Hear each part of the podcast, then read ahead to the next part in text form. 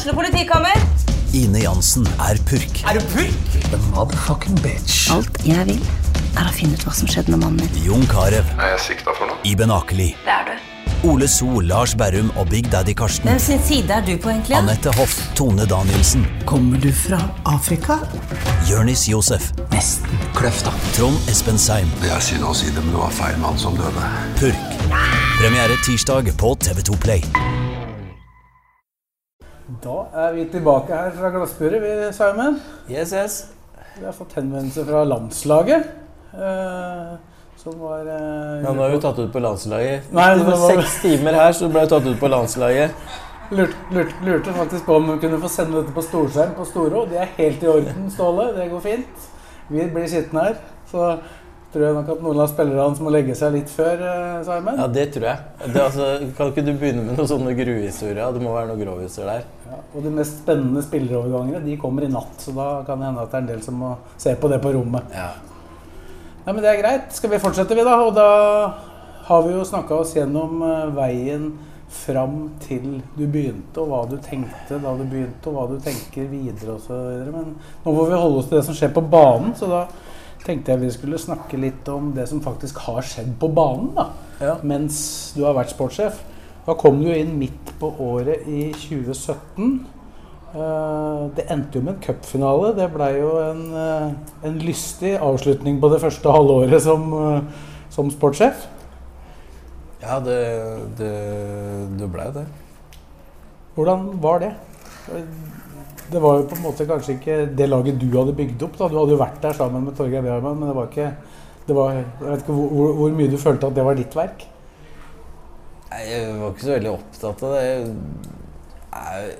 Jeg, jeg, merker at det, er vel noe veldig mange andre er opptatt av. Men eh, eh, det var en Jeg syns det var fantastisk å være med i cupfinalen. eh, vinne cupfinalen. Eh, det er jo en opplevelse som ikke mm, alle får lov til å oppleve. Så man skal liksom være glad for å, for å ha vært med på det. Og, og jeg har trua på at vi skal oppleve det flere ganger. Men, eh, men allikevel så var det utrolig artig å oppleve det i 2017. Og var, vi var jo en, eh, vi var en veldig underdog også i den kampen. eh, I finalen. For så vidt også i semifinalen. Jeg vet ikke hvor mye dere prater om den cupfinalen internt i trenerapparatet. Det er vel det er i hvert fall én trener som ikke har så lyst til å prate om det. Ja, men jeg jeg syns det, det er, Der holder jeg litt med Geir på. Han, altså, han har fått høre det så mange ganger at det, nå begynner det å bli litt sånn Jeg syns ikke noe særlig om å prate om 2017 lenger. Eh, men eh, det var jo De første åra så fikk han jo høre det mye, ja. Eh, og, og det var jo ikke sånn det var jo ikke sånn at det, det alltid var mynta mot Geir, men det var bare det at Han var der. han var der når det ble gjenfortalt. Og så, og så er det jo sånn. Men eh, det, det var en, vi var en underdog i den kampen her. Det er det ikke noe tvil om. Men, men da var jo Hvor langt hadde du kommet i din jobb da? Du hadde egentlig begynt å ta litt fatt i akademiet. Var det liksom det du nesten konsentrerte deg mest om det første halve året? Sånn spillelogistikken inn mot 2018? Ja, det var jo, ja, det var jo mer eller mindre det at det var veldig mye som måtte gjøres. Ekstremt mye som måtte gjøres i, i oppbygningen av Ja, liksom eh, vi, vi hadde en del, en del planverk som måtte, måtte mm, opprettes, da. Og dette skulle jobbes inn innen en frist. Jeg tror det var november eller noe sånt nå. Så mm, det var ikke noe tvil om at du brukte veldig mye av 2017. Ikke bare halvåret 2017, men hele 2017 på det arbeidet der. Og det som på en måte kunne få sitt sånn ordentlig startskudd fra 2018. Når eh, 2018 begynte, så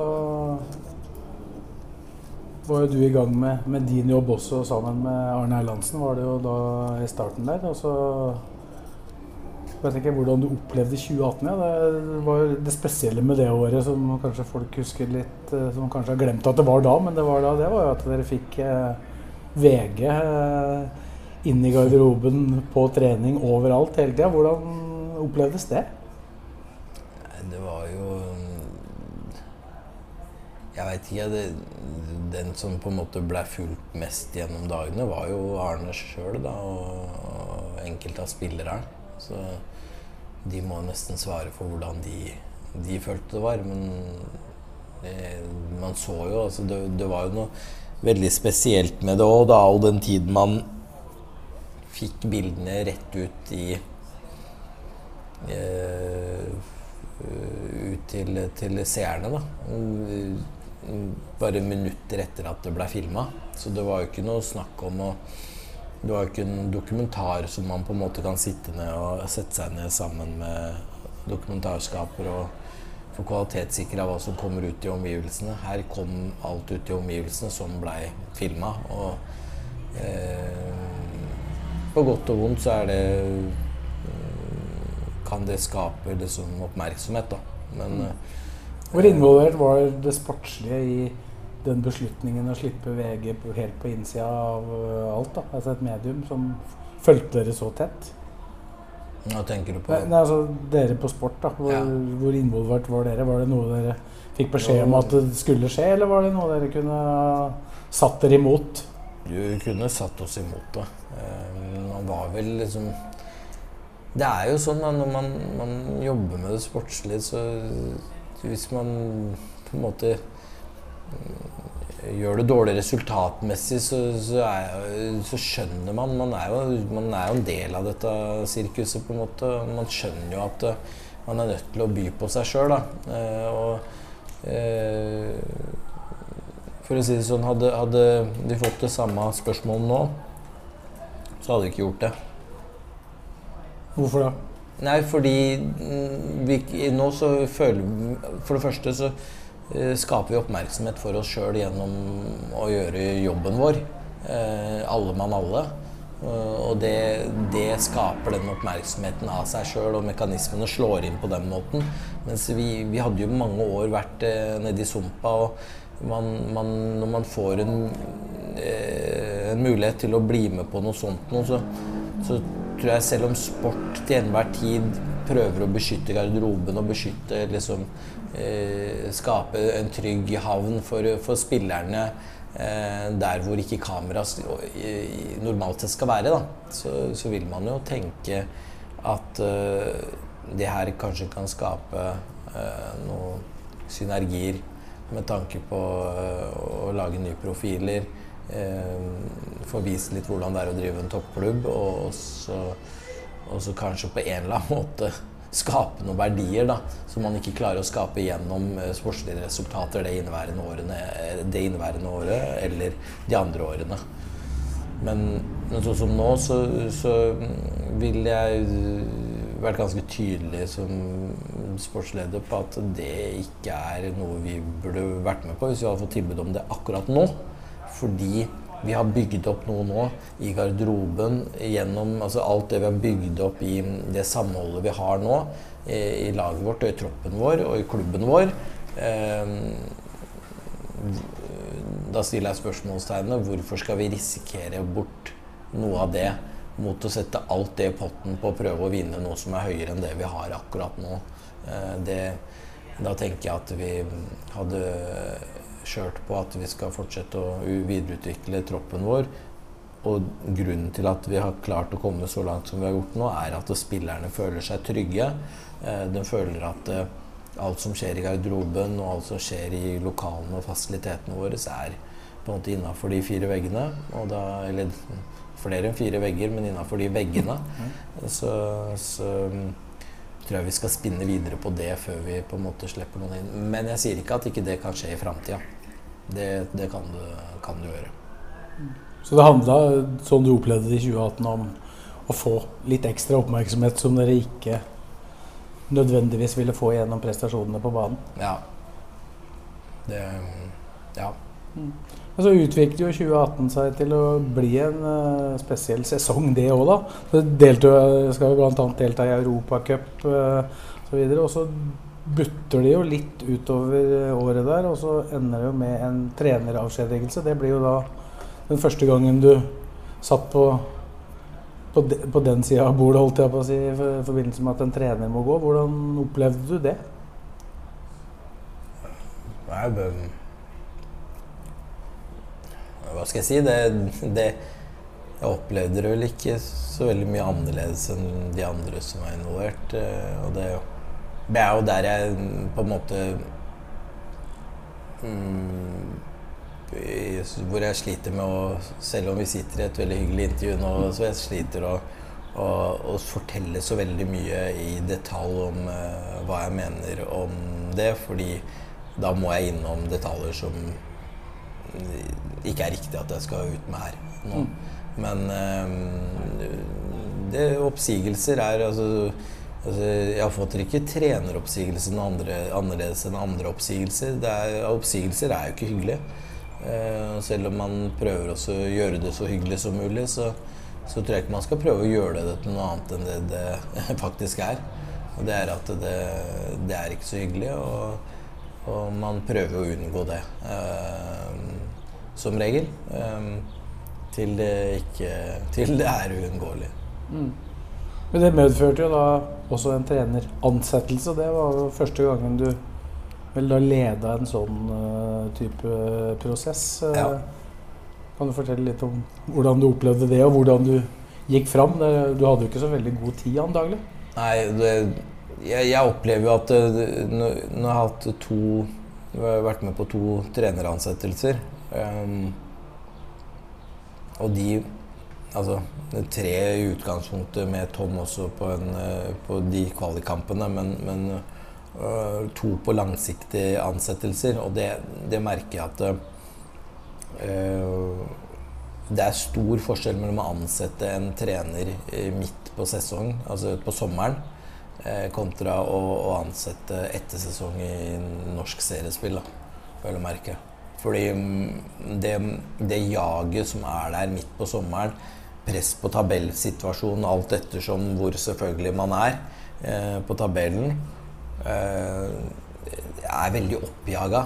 Eh, så det du veit når du på en måte skal ansette en trener etter en endt sesong, er at du har faktisk til, til Altså du har fra kanskje slutten av november, eh, midten av desember til eh, 1. april.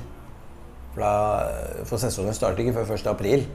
Og strengt tatt, teknisk sett, så trenger du ikke ha den ferdig og klar før det. Selvfølgelig så må han få lov til å trene laget og bygge opp laget og, og sammen, bygge et team eh, og bruke tid på det. Men du har mye roligere eh, tidsperiode på året med å, med å gjøre det. da. Det syns jeg at eh, er en klar, eh, klar forskjell, og det er det er, det er, det er en vesentlig forskjell eh, som påvirker liksom det handlingsrommet du har.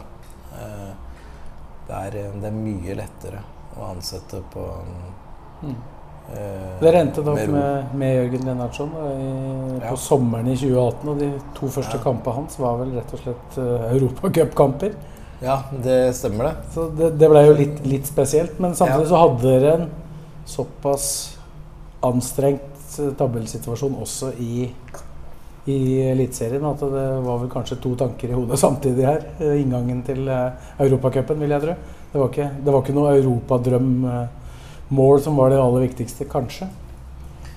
Nei, det, det er klart at det ble en veldig spesiell Jeg har faktisk tenkt litt på det nå, når vi skal ut i Europacup igjen.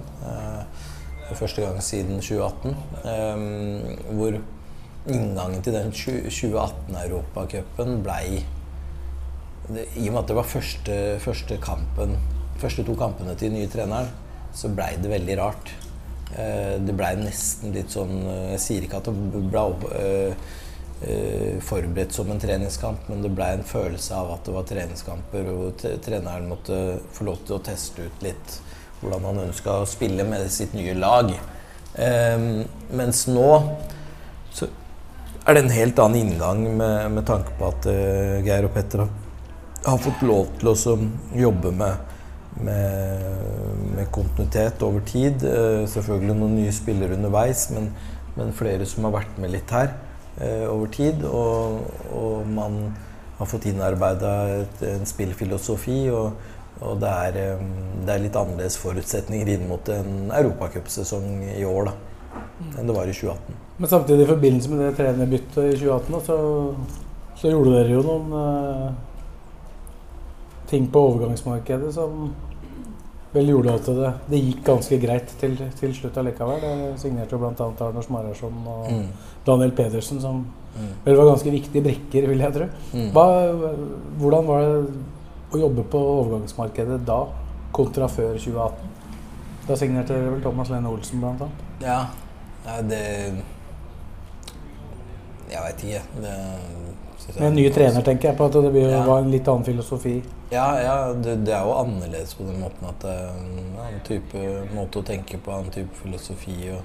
Det, det påvirker jo på en måte retninga man tar, men eh, jeg føler på mange måter at vi ikke hadde Vi hadde ikke helt klart å forankre på en måte, Eller forankre hadde vi vel klart, men vi hadde ikke helt klart også å få innarbeida den eh, måten vi skulle jobbe på etter de eh, planverkene som vi hadde eh, og strategiene som vi hadde blitt enige om og, i klubben og, i starten av det året, 2018.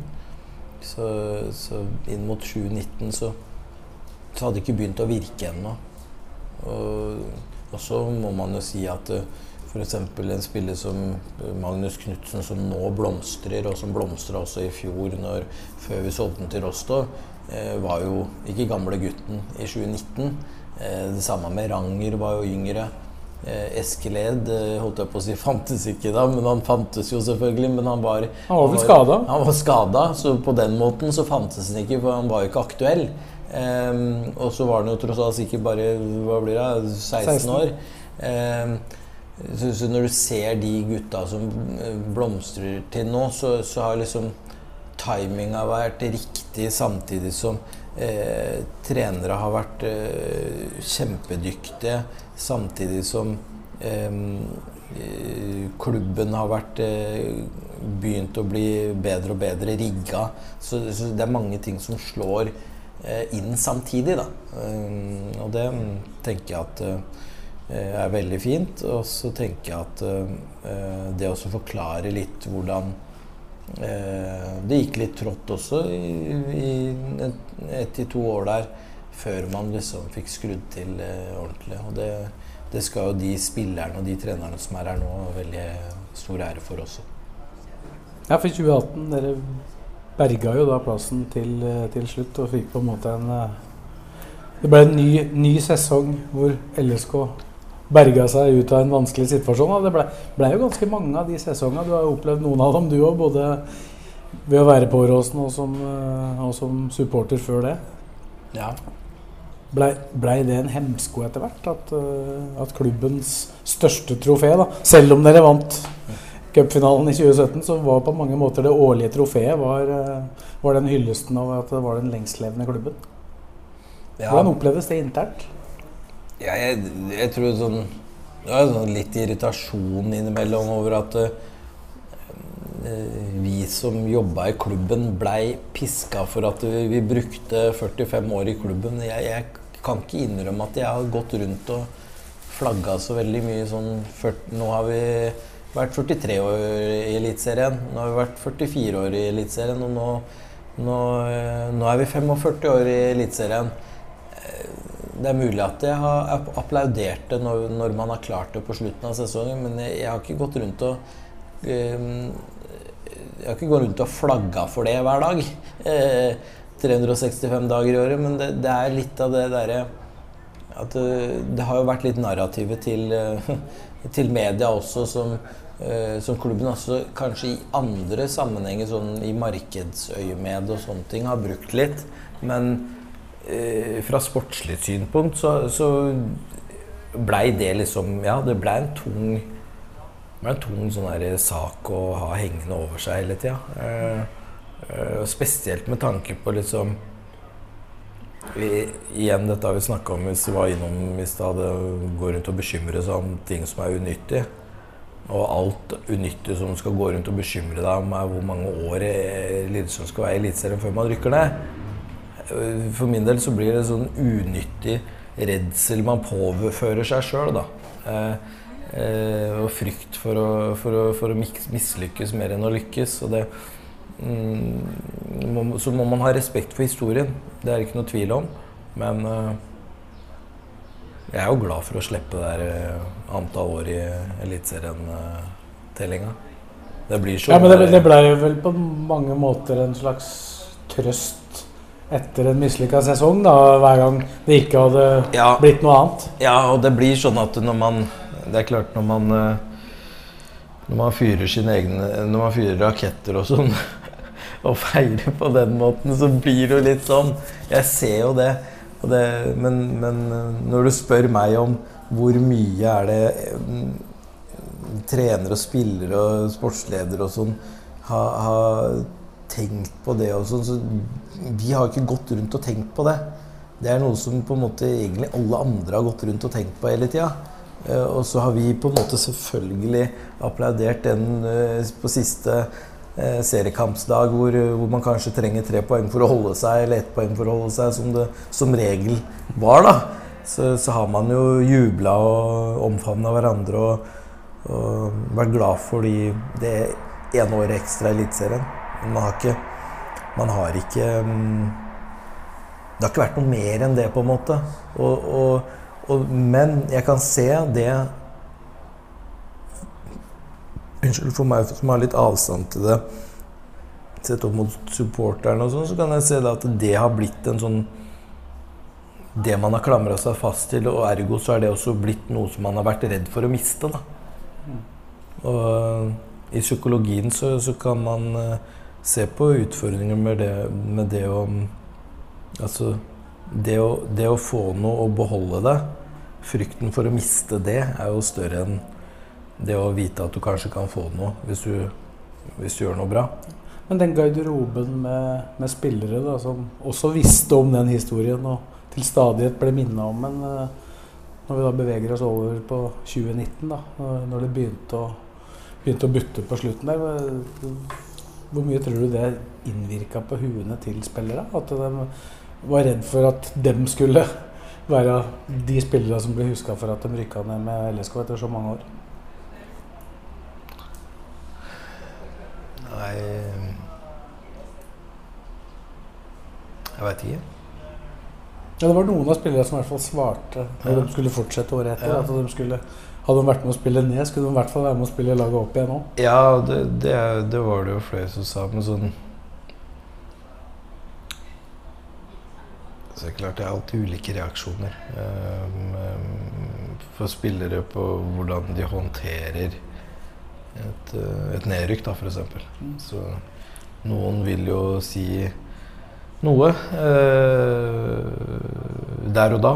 Og liksom, det er ikke noe tvil om hva den vil. Og, mens andre trenger betenkningstid, og så er det noen som sier ting de ikke mener.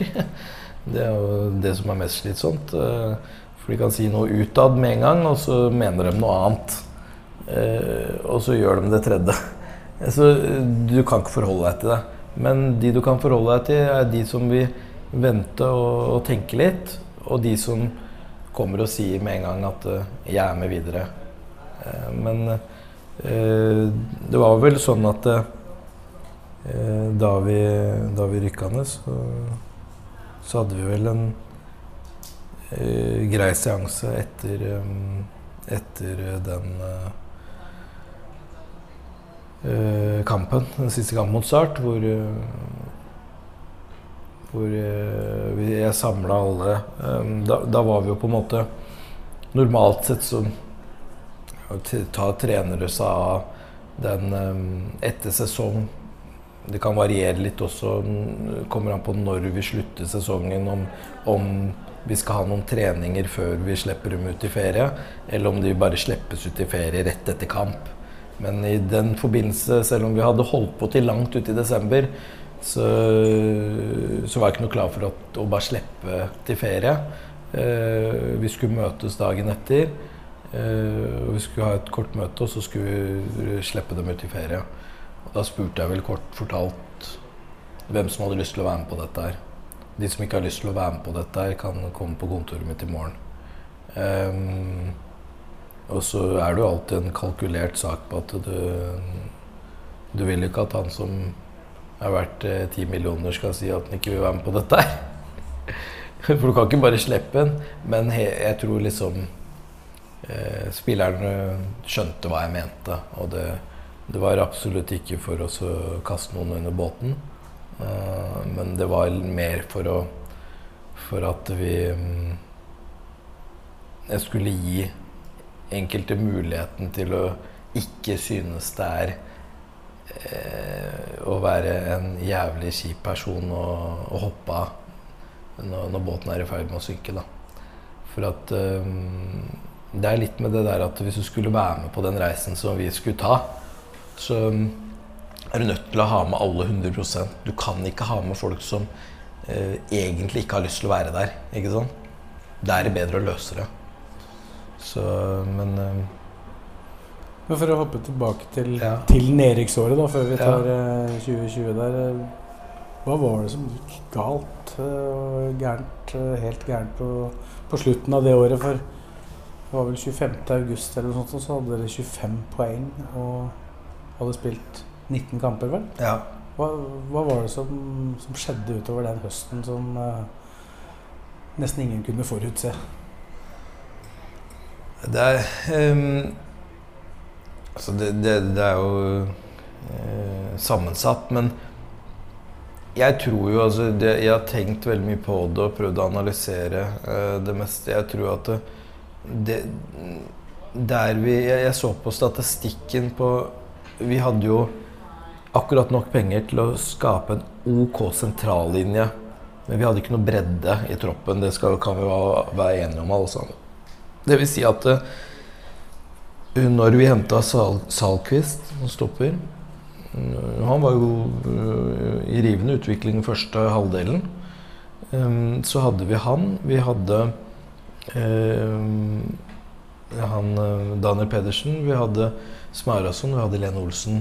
Vi hadde én form for relativt sterk sentrallinje, hvis man tenker på eh, hvor vi var hen eh, på tabellen, og hvor vi hadde ligget igjen i flere år på tabellen. Um, Utfordringa var at det veld, veldig sjelden gjennom den sesongen så spilte alle sammen samtidig. Det var Jeg tror jeg telte nå husker jeg ikke tallene, men det var en veldig lav prosentandel til sammen.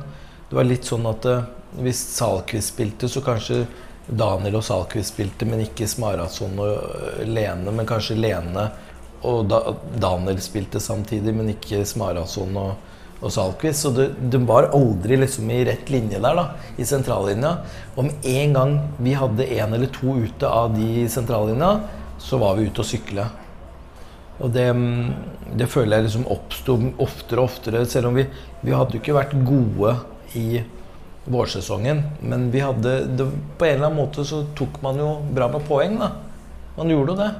Og det, det Det var jo ikke sånn at man glimra til, men man håpa på at det finspillet skulle komme, komme mer og mer, og at man skulle liksom bare bli mer og mer solide da, og bli mer og mer innspilt. Men så var utfordringa at de, de spillere eh, Altså Smarason gikk jo glipp av mye av høsten her, dessverre.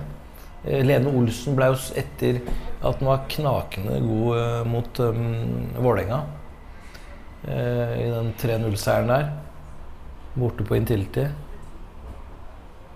Ja, Han tråkka over i kampen etter, vel? Ja, og da var han borte i to måneder. Mm. Da, da, var, da var det en del kamper som ble spilt i den perioden. Samtidig som Smarason og Daniel Pedersen om hverandre drev og sleit med skavanker. Eh, og så, eh, så var det var vel kanskje Salquist som spilte mest den høsten, men da, da på en måte ble han svakere. Og han eh, hadde liksom F.eks. han og Daniel hadde en eh, sentral midtbane hadde en veldig bra relasjon. da. Så mm, det, Men så, det, men så begynner du å se etter hvert. Det var vel kanskje ingen som egentlig trodde at det skulle gå gærent. For det trengte jo egentlig bare hele tida én seier. ja. Så ville det vært i orden. Men den seieren kom jo aldri. Når var det dere begynte å tenke på å gjøre endringer på, på trenersida? Og hva var det som gjorde at dere ikke gjorde det? Innafor sesongen, da. Altså innafor seriesesongen. Jeg, jeg tenker at um, det er jo, Kokkim har jo egentlig redegjort for det flere ganger.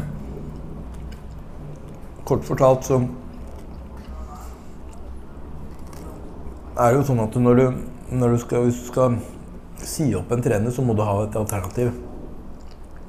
Det lå ikke noe åpenbart alternativ der da. Og hvis det skulle være et alternativ der, så hadde sjansen vært stor for at den hadde krevd at den skulle ha en lengre kontrakt. For det var såpass tidlig igjen av året. Og det eh, å drive og på nytt ansette altså det, det, vi var enige om, er at den dagen man skal liksom ansette en trener, eller neste trener, så, så, skal man gjøre det i ro og mak. Da. Man var jo ikke, ikke sånn veldig happy med egentlig den prosessen man måtte ta ved, ved forrige runddans. da. Eh, og ikke til forkleinelse for Jørgen, men, men man, var, man, var, ikke det, Man hadde veldig begrensa med tid da, på å ansette en trener. Og, øh, og, vi lå ikke akkurat veldig godt an heller. Så det, det skapte jo en stressperiode der som vi ikke ønska å gå inn på en gang til. Um, så, så, så, mer eller mindre så, så, er det jo det som skjer, at man må, man må tenke på, på, det like mye som på om det er riktig, når det er riktig tidspunkt å bytte trener på. Men, men Kokkim har greia ut om det Eh, ganske greit også eh, tidligere på, på, hvorfor. Og det, jeg tenker at eh, det er jo i utgangspunktet også styrets beslutning. selv om de selvfølgelig spurte hva jeg mente, og jeg har sagt hva jeg mener til dem. Ja, hvordan, hvordan, er rollen din i forbindelse med sånne situasjoner oppstår? da? For du er jo i utgangspunktet sjefen til treneren. Ja. Jeg leder for alle ansatte i sportslig avdeling. Ja, det, men, eh, men, samtidig så er det sånn at uh, i tradisjonstro så er det uh, styret som formelt sett ansetter og avsetter en um, hovedtrener. For så vidt også en um, Ja, um, ansetter en hovedtrener, og så er det, uh, er det også de som man må ha godkjenning av for å kjøpe, selge spillere. Uh, etter en uh, viss målestokk penger, da, selvfølgelig. Mm. Og, men i praksis så, så, foregår dette her gjennom dialog, kommunikasjon, hele tiden. Uh, det er jo ikke sånn at du sitter og liksom formelt ber om audiens uh, hver gang du skal foreta deg noe i den klubben her, men det er sånn at man, man snakker sammen og man kommuniserer sammen, og, og, det flyter mye mer enn det det på en måte høres ut når man snakker om det eh, formelt sett. da. Um, det er mulig å diskutere, og det er mulig å, å, snakke sammen rundt dette her. Og det er mulig å komme fram til beslutninger. Og så, så er det sånn at hvis, hvis styret hadde gått og sparka en trener eh, på en måte uten at eh, jeg er enig i det som sportssjef, så hadde jo eh, det, det, hadde, hadde, nok ikke fungert. Det hadde nok vært sånn at jeg ikke hadde jobba som sportssjef lenger. For så, sånn må det på en måte være. Så man har på en en viss respekt for hverandres eh, kompetanse og, og meninger. Men styret kan faktisk eh, nei, sparke og ansette en trener over mitt hode. Mm. Hvis de vil. Det er deres rett. Men da, da, da må de jo ha en ny sportssjef. Og sånn er det jo liksom verden fungerer. ikke sant? Og vi jobber sammen rundt det. Og det, det vil si at eh, jeg, jeg støtter det eh, som skjedde i den perioden eh, med, med eh, Lennartson. Eh, og eh, grunnen til at vi havna der vi havna, er ikke nødvendigvis en, et resultat av kortsiktig arbeid. Det, men, men, sånn er det. Vi fikk løst det, og, og det, det Vi rykka ned, ja. Men vi er der vi er nå også. Det, men, men, jeg legger merke til at det er blant supportere er det en del som på en måte identifiserer nedrykket med Jørgen Lennartson. Hva, hva syns du om det? Nei, men Det er jo derfor jeg ikke gidder å gi meg på det òg. For at det er um, Det er ikke sånn at siden man sier det mange nok ganger, så er det sånn det skal være. På en måte, Det er det som er fasiten. da. Det er ikke det. Og det, um, det som også irriterer meg innimellom, er at man ikke klarer å skille mellom person og rolle. Og når man harselerer uh, med Jørgen, uh, som jeg ser at enkelte gjør ennå, så syns jeg det er lavmål For da begynner man å gå på person framfor å gå på den jobben han har gjort. Og det, det er noe av det som irriterer meg mest med fotballen. Um, og som jeg syns ødelegger fotballen, er at folk går på uh, Altså, helt fair hvis folk oppfører seg dårlig. Hvis jeg oppfører meg som et rasshøl, så, så, kan folk behandle meg som et rasshøl. Men har jeg lov til å si det, eller? Forresten? Ja, da, du har sagt det. Ja, jeg har sagt det. du, sa, du, du, sa, det om deg sjøl, ikke om noen annen. Ja, det er bra. Men Ja, men det her er et, uh, dette her er seint på uh, Unge har lagt seg nå. Ja. Men når, når, du på en måte uh, Nå mista jeg helt tråden her, men, men, jo, dette her med folk som Jørgen Lennartson, f.eks., som han har, han har gjort sitt beste. Det var ikke godt nok. Og det fungerte ikke.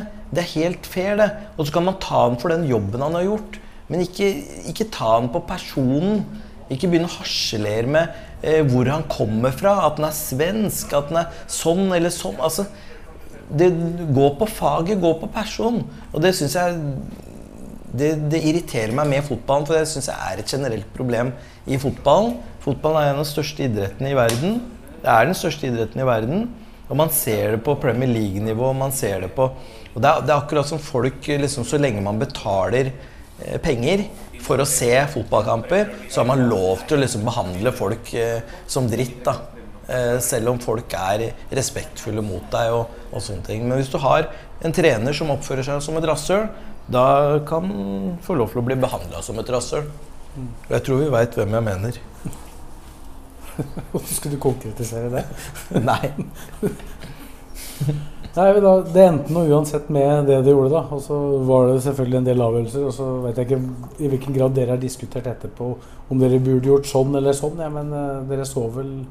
Ganske fort videre etter ja. 2019, opplevde jeg. Og, og, det, og, og misforstå meg rett, det er jo sånn at man, man, eh, Det er ikke sånn at jeg sitter og sier at uh, Eh, man har gjort ting på en riktig måte. Altså, jeg bare sier at det var det man gjorde, og det, det er liksom, man får ikke gjort noe med det nå. Uh, og så tror jeg ikke at det nødvendigvis at det er det, det, er det samme som når, når, folk skriker etter å eh, bytte inn spillere. Det er ikke sånn at et bytte av en spiller gjør at ting automatisk blir bedre. Det kan hende at det faktisk blir dårligere. Så det kan bli enten bedre eller dårligere. Og det er litt den derre Uh, risiko man tar ved å gamble, f.eks. Det, det er alltid en risiko for at ting kan bli dårligere. Det er ikke automatikk at det kan bli bedre. Og det tenker jeg at vi, vi, vi på en måte kan si om dette med det som skjedde i, i 2019. At uh, ja, man kunne kanskje ha gjort en endring. Da hadde man bundet seg antageligvis i, i stor grad til den endringen uh, i mer enn bare den sesongen. Eh, og hadde ikke hatt anledning til å Og kunne fort ha havna i en ny situasjon. Eh, men kanskje redda plassen. Kanskje ikke. Mm. Så det er liksom Det er der vi er, da. Og det, det tenker jeg at det, um, Det var vel mange som trodde etter sånn 69-70 minutter 11.12. at dere hadde berga plassen med den løsningen dere valgte. Mm. Ja, men, ting skjer borti fotball. Ja. Men eh, da har vi jo Du innleda jo på en måte med å si hva du gjorde dagen etter nedrykket med spillere og sånn, og så blei det jo den troppen det blei. Men 2020-året eh, i Obos-ligaen, eh, hvordan var det? Det var jo Det var uvant. Det var uvant. Det var Vi Vi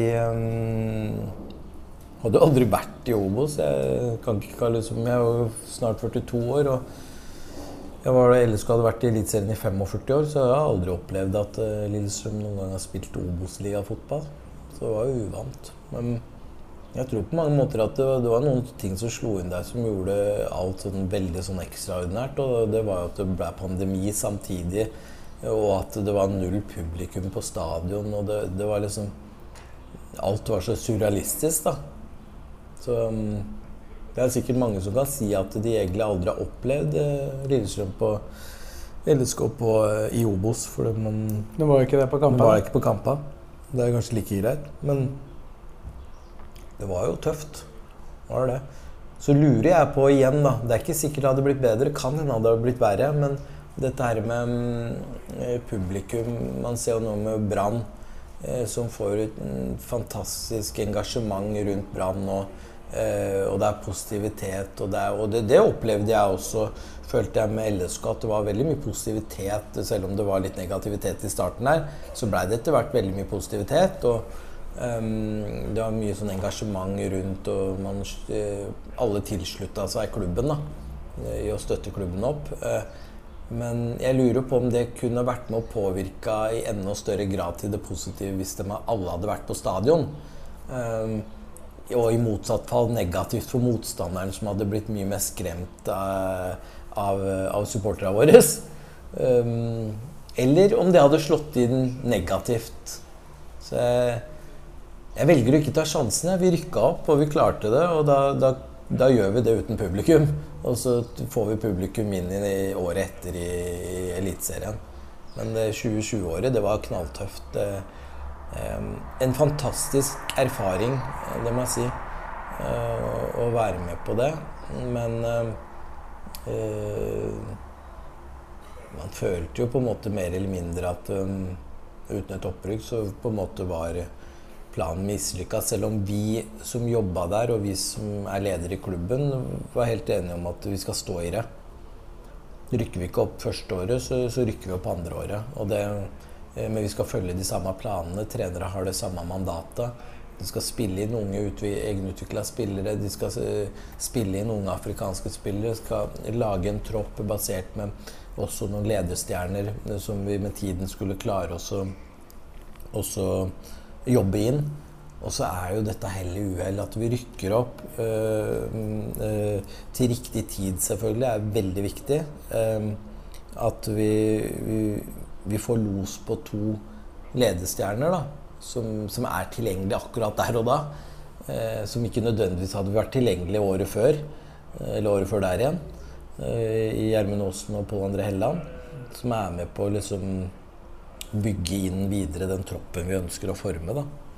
Eh, samtidig som Mats Kristiansen og Eskil Ed og alle de unge eh, og Magnus Knutsen og alle unggutta bare har fått mange, mange flere minutter seniorfotball og er klare for å eh, Men Det starta jo allerede i 2020, da, at den begynte å få mange av de minuttene som fikk utvikle seg. Altså, nå er jo verken nedrykk eller pandemi noe som folk ser på med positive øyne, men sammentreffet av de to, mm.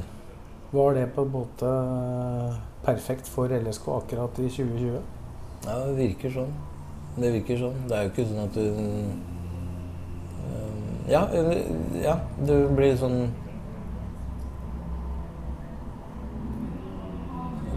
flere negative ting blir, blir positivt, liksom.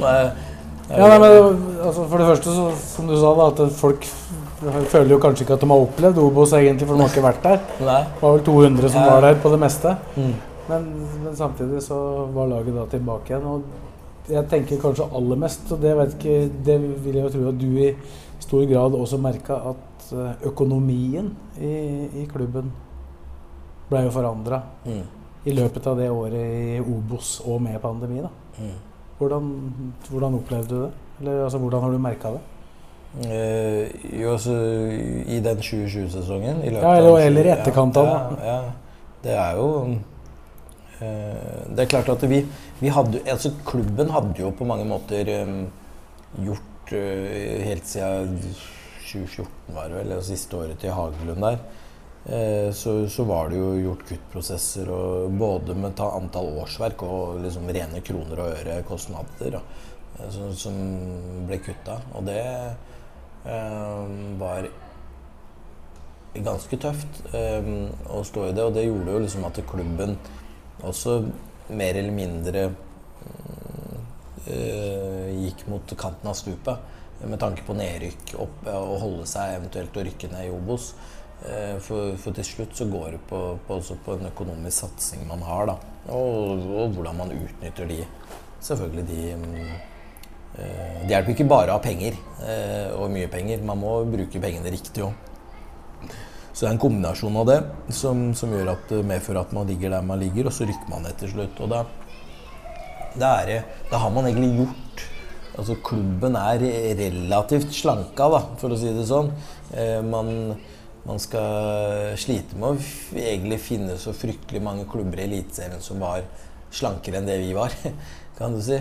Så, så når vi rykka ned, så, så hadde man tatt eh, noe av den kosten.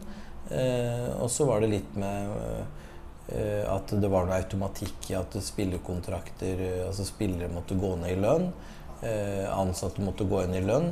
Eh, som igjen sammenfaller med at vi fikk jo støtte for eh, inntekter som vi hadde året før, når vi var i Eliteserien. Og vi hadde jo eh, vi hadde et bra snitt, tilskuersnitt eh, til å være et lag som rykka ned.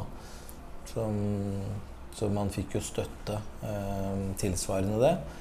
Og så hadde man vel noen kostnader man slapp unna når man ikke hadde publikum på stadion. Sånn kort fortalt, da, nå forteller jeg dette veldig korte drag,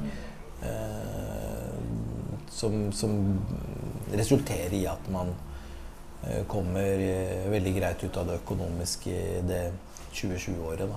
Mm. Hva betyr det konkret for deg og det området du styrer?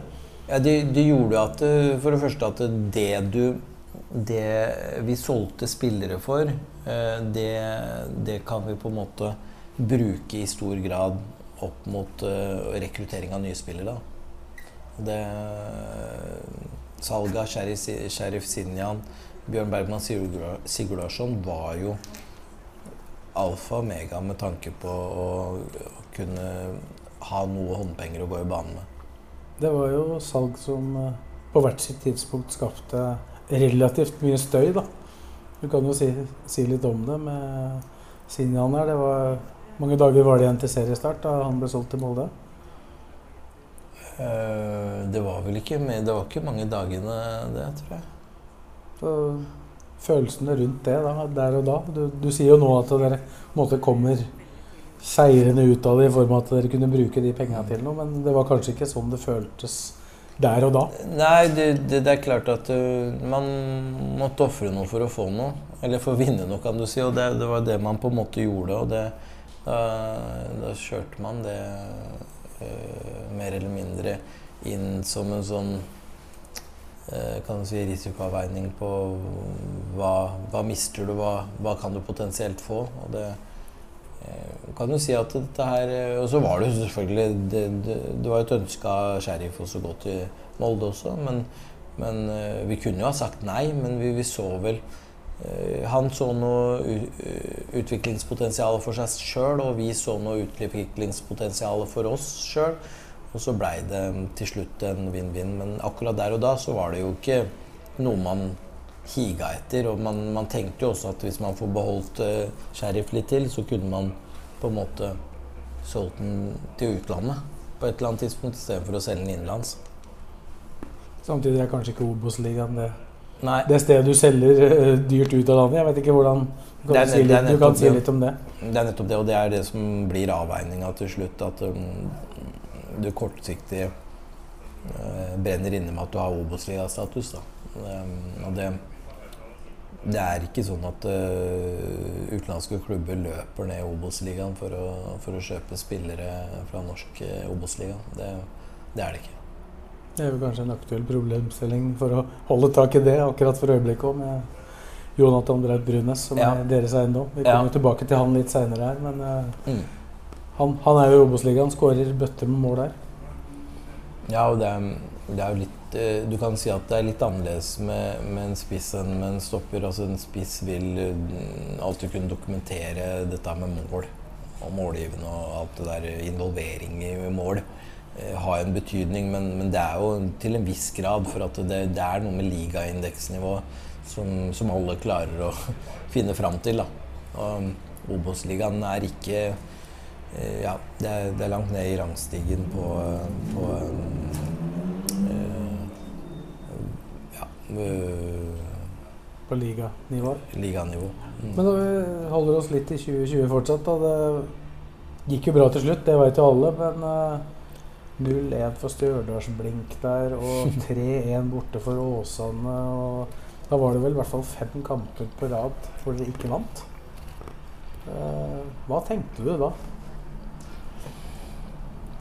Nei, jeg, Jeg tenkte jo, altså Vi hadde jo prata om det, så, så, jeg tenkte jo mest på Altså vi, jeg og styret og for så vidt også Geir og, og Petter. Eh, men så var jo Geir og Petter relativt nye, da, selvfølgelig. Så det var jo om å gjøre å få de til å føle en trygghet på at eh, man står i det sammen her. Og det eh, går det ikke i år, så går det neste år. Uh, så var det vel noen som var livredde for at vi skulle rykke ned fra Obos-ligaen. Og det, der merker jeg at jeg mista det. Men, men på at det var en reell fare for at vi ikke skulle klare å rykke opp med en gang, den er jeg med på. Den, den lå jo der, selvfølgelig. I hvert fall et direkte opprykk. Ja, nettopp. Kvalik er du vel i teorien ja. alltid involvert i, nesten. Så lenge du ikke ligger helt i bånn. Nettopp. Og man er jo det, og så er det litt det der med at man vet også at hvis, i Obos-ligaen vinner tre kamper på rad, så er du plutselig i toppen. da. Så, men, men, du begynner å få litt sånn avstand til de lagene som har fått det ok start, sånn som Tromsø, da, som, som uh, befesta sin plass øverst på tabellen ganske tidlig. De hadde åtte strake. Mm. Mm. Og så blei de der. Så det tenker jeg liksom en, hadde en betydning, da. Men var det, var det sånn at dere internt jobba med dette her i den perioden, eller kjørte dere bare på med business as usual? Nei, vi kjørte på med business as usual, men det var viktig å kunne um, uh, la trenerne og spillerne få vite at um, Jeg hadde jo sagt det tidligere, men, men som jeg snakka med, med Jeg tror jeg snakka med styreleder om det, eh, Morten Wåkim, og Robert for så vidt også, at vi, vi, vi er nødt til å det er nødt til å komme fra øverste hold at vi, vi, på en måte står i det. Og vi, Eh, vi kommer til å vi kommer til å rykke opp neste år hvis vi ikke rykker opp i år. Og det, det var på en måte, ble jo selvfølgelig formidla, og det, det, gjorde at både spillere og trenere kunne ha fokus på å liksom begynne å plukke poeng jevn, jevnere eh, enn det man hadde gjort uh, fram til da. Det, var, det, var det et nøkkelpunkt i den sesongen? Eller blei det det? Ja, jeg opplever det sånn at um, um, At det blei det. Og det, det tenker jeg at uh, ja. Var, var og så var det en positiv test også for hele klubben på er man villig til å stå i det. da. Du, så du har noen tester her. ikke sant? Du, eller, altså, du, du får noen tester her. Det, når du rykker ned det er første testen. Altså når du på en måte skal prøve å rykke opp igjen, men du, det ser ut som du begynner å få handikap allerede i starten. Hva slags reaksjoner er det som skjer innen klubben? Og jeg syns jo at klubben modnes veldig gjennom de to testene. Og, uh, for, for, det har vært kan du si, et mye større organisatorisk problem også innad i klubben på misnøye i forskjellige avdelinger osv. osv. Som ikke har vært med på Som ikke, kanskje ikke er så synlig utad, men som er synlig når du er der inne. På eh, ja, uenigheter mellom ulike avdelinger og sånne type ting. Eh, og det, det er ikke sånn at det er ja, På et tidligere tidspunkt? Ja, på et tidligere tidspunkt i de 10-12 årene. Eh, hvor det har vært mer kløft mellom sport og, og, og resten av klubben, f.eks. Hvor man har prøvd å komme nærmere hverandre. Og så er det sånn at du, du, ting, er, ting, er, aldri perfekt. men Det er ikke det nå heller. Men nå er man mye mer samla som klubb, og man jobber sammen eh, i langt større grad enn det det har vært de siste 10-12 årene. Ja, for det sto jo ikke på reaksjoner utad jeg vet ikke om du skal si at det toppa seg vel på en måte da, da spillebussen på, kom hjem fra Grimstad mm. etter 2-2 mot Jerv der. Da var det jo noen som hadde lyst til å konfirmere spillere litt ekstra der. Hvordan opplevde du den uh, situasjonen? Jeg, jeg, kjørte privatbil den uh, dagen, for jeg hadde vært dratt dagen før. Så jeg kjørte ikke med bussen, var ikke på busstoppet ved Åråsen der når, eh, når den kom, men det viste jo seg at det var antageligvis ikke så veldig De var litt aggressive der, der og da, men de var egentlig ikke så veldig aggressive personer. De personene som var der. Men det var jo det er klart det var jo noen reaksjoner da, som var litt sånn Ja, og det, og det, det summerte vel på mange måter opp litt stemningen i sosiale medier og litt Mm. sånn det var akkurat Mm. i den perioden. da. Sånn, mm. Det var en veldig turbulent periode. Var kanskje ikke på, på nivå med sånn det var eh, ved nedrykket, men, eh, men det, det var en liten light-utgave. Mm. Ja, det var det. Det var det.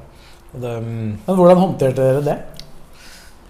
Det, det syns jeg da, da hadde vi jo liksom øh, Nå husker jeg ikke hvilken serierunde det var, men jeg, jeg føler vel mer eller mindre at vi hadde liksom jobbet oss litt sånn Dere hadde jo på en måte snudd det litt, da. Ja, vi jobba jo Vi jobba jo mer eller mindre øh, Vi kom oss jo på en måte ut av den første testen med nedrykk og den andre testen med å liksom eh, komme dårlig i gang. Og da, da følte jeg vi begynte å bli eh, mer og mer robuste. Eh, I hvert fall i, i liksom ledelsen og trenere og støtteapparat. det, det var jo midt inne i den perioden dere hadde den rekka. Den kampen mot Jerv der. Var det det? Ja, det var det. For da tror jeg dere tapte for Sogndal kampen etter, og så var det KFUM. Ok, ja, ja riktig. Ja, men eh, da, da var det kanskje Ja. Jeg tenkte på Jerv hjemme, ja, faktisk.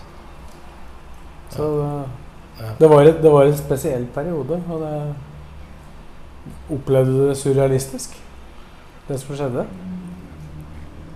Ja, når man var inne i den perioden, eller bare ja, ja, ja, inne i den perioden, ja. Eh, ja, jeg kan jo si det, men det var jo egentlig ikke så overraskende. For jeg hadde sett hvordan det mentale Og så kan man si Da igjen så var det folk som maste om at eh, dette visste de kom til å skje, for det laget her med, som rykker ned med de eh, spillere her, det er, de, det er de samme spillere som rykka ned. Hvordan kan man vinne? Hvordan kan man rykke opp med Hvordan kan en gjeng med tapere bli en gjeng med vinnere, liksom? Eh, men det der merker jeg bare mm, skifter farge fra, fra gang til gang. For at det eh, det, som er, det som ikke var tvil om, er at du kan ikke bare fjerne spillere. Altså Selv om du har rykka ned, så kan du ikke bare Det er jo ikke Øst-Tyskland på, på 70-tallet. Altså, de, de spillere, de eh, For det første så Jeg hadde jo stilt spørsmål til dem om det var noen som ville gi seg, og det var ingen som ville gi seg av de som jeg tenkte kom til å eh, Eller hadde kontrakt og kom til å ønske å være her. Eh, så var alle De var villige til å fighte for det, og de gjorde jo det. Vi, vi klarte jo det. Vi rykka opp til slutt. Men, men eh, de spillerne der, de, eh, de, de kan jo ikke bare kastes over bord og så bare finne et nytt lag. Og hvem altså, du skal leite, du skal leite hardt og lenge etter å bare finne et helt nytt lag uten penger å kjøpe for. Og samtidig klare å rykke opp. Det, jeg syns at eh, de som, eh, de som var med å rykke opp, de gjorde en, eh, en kjempejobb og klarte å på mange måter snu mentaliteten sammen med trenerne. Um, treneren gjorde en fantastisk jobb, og, og støtteapparatet samme. Og det, det, var en, det var et teamarbeid da, som på en måte fikk snudd noe negativt til noe positivt. Da. Mm.